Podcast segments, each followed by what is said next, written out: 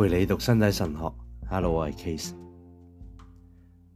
今次咧，我哋要就呢个部分咧做第一次嘅整合。下次咧，我哋会有第二次嘅整合。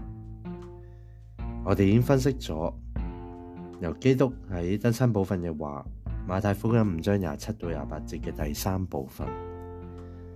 第一部分系你哋一向有听过话唔可以奸淫啦。第二部分系我却对你哋讲。凡係注視婦女有意去渴求佢嘅喺文法上咧，同第三個部分佢已經喺心入面咧加入咗佢相連。呢度所用嘅方法係將基督嘅話分成同埋拆開为一個接一個嘅三個部分，睇嚟有啲做作哦。可是如果要探索整句話嘅完整倫理上嘅意義，我哋要將經文分開係有幫助嘅。只需要注意，唔单止咧要将经文分为唔同嘅部分，亦都要咧将佢哋拼合。呢个就系我哋将要做嘅嘢啦。每个唔同嘅部分，都有佢嘅内容同埋特有嘅含义，呢个正系我哋有意藉住分开经文说明嘅。但系与此同时，就各个部分作出嘅说明嘅时候。应该以每一部分同其他部分嘅直接关系嚟作解释。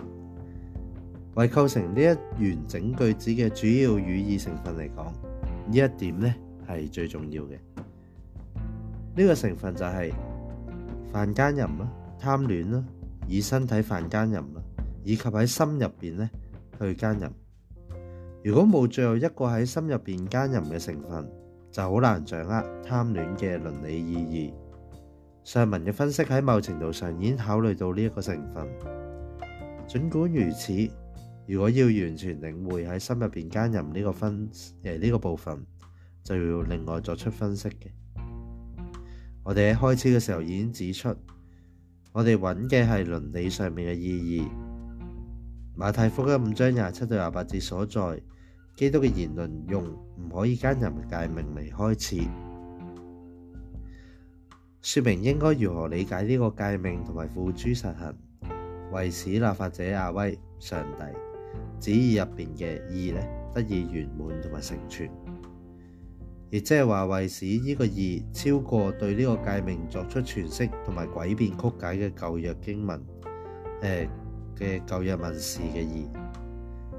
如果啊，基督有意藉住呢句话建立新嘅道德观。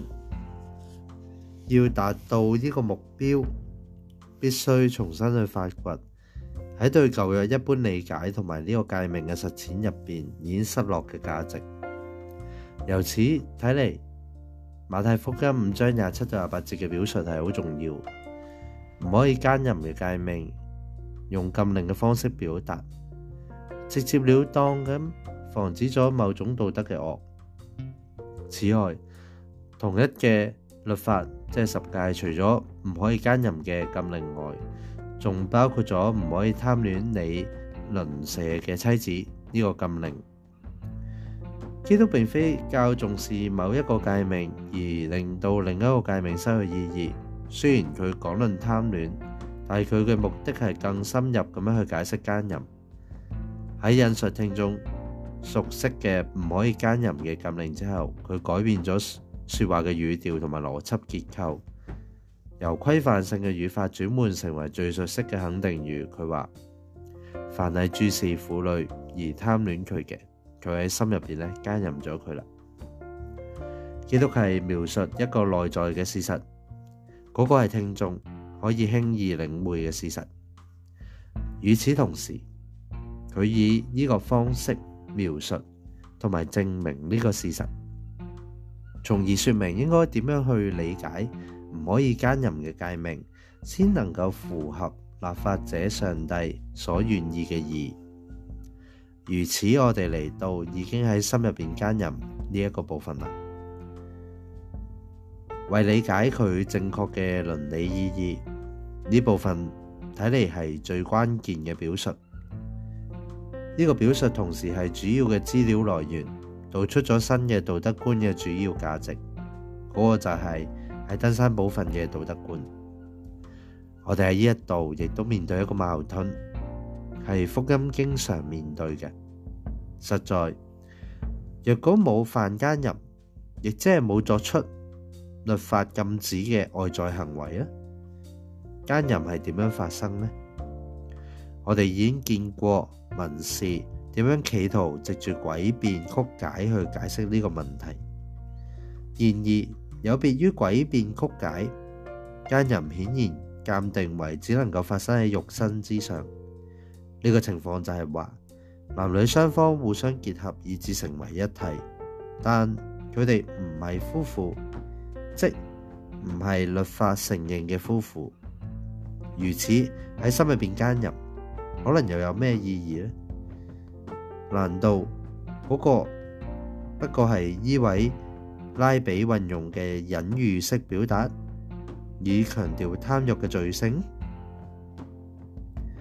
如果我哋對於基督嘅話作出咁樣嘅語意解讀，我哋就應該要深入去探討隨之而嚟嘅倫理結論，亦即係探討行為嘅倫理秩序嘅相關結論。當男女互相结合，以夫妇特有嘅方式成为一体，但系佢哋本身唔系律法承认嘅夫妇，咁就系犯奸淫啦。如此将奸淫识别为喺身体上犯嘅罪，系全言且系唯独系基于外在嘅行动噶，系基于共有嘅婚姻生活，咁亦都关乎行事者获得社会认可嘅生活方式。喺目前嘅事例入边，呢一种生活方式系唔适当嘅。系冇得獲到授權作出咁樣行為嘅權利嘅，因此咧就用咗奸淫呢個詞語。我哋進而探討基督嘅話嘅第二部分啦，即係新嘅道德觀開始浮現嗰個地方。喺理解凡係注视妇女而貪戀佢嘅呢句話嘅候，應該基於佢哋獲社會認可且由律法定義嘅生活方式，而即係佢哋係。係有意分呢，或者冇喺呢一度問題開始增多啦。基督無疑係針對注視婦女呢一個內在嘅貪欲行為嘅罪性，而被注視嘅婦女並非注視者嘅妻子，因此我哋可以並且必須要去問：當呢個內在貪欲行為嘅對象係注視者嘅妻子，佢講嘅話。系唔系表示允許同埋接受咁樣嘅目光呢？如果要提出正面嘅答案，所提提出嘅論點呢，睇嚟要基於一個邏輯啊。個邏輯就係當男人有可能係喺肉身奸淫嘅主題，先能夠喺心入边咧去奸淫。若果呢個主題係一個已婚男人，佢就唔可能同佢合法嘅妻子犯奸淫啦。基於呢一點。喺心入边奸淫咧，就唔適用於呢個已婚嘅男人啦。但我哋可以將之視為所有其他男人有可能犯嘅錯。如果佢係丈夫，佢唔能夠同自己嘅妻子犯奸淫，只有佢擁有特權去恋慕身為佢妻子嘅女人，懷住貪欲去注視佢。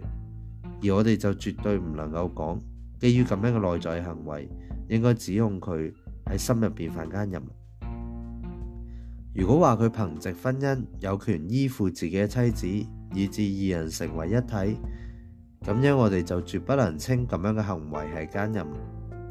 而且根据类比，登山宝训所讲嘅呢个内在恋慕行为呢，就唔能够定义为喺心入边奸淫佢。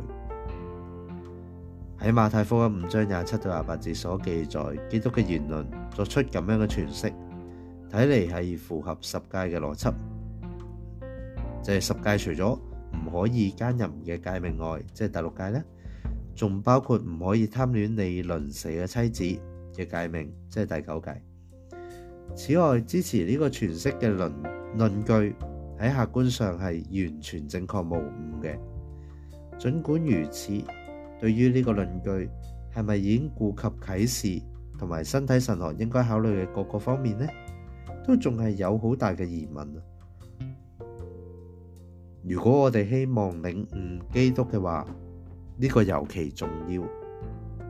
较早之前我哋已经谈到呢啲说话具有非常特殊嘅重要性，亦即系基督回顾起初嘅一句喺人学同埋神学上面嘅丰富含义喺登山宝训入边，基督诉诸人心嘅话。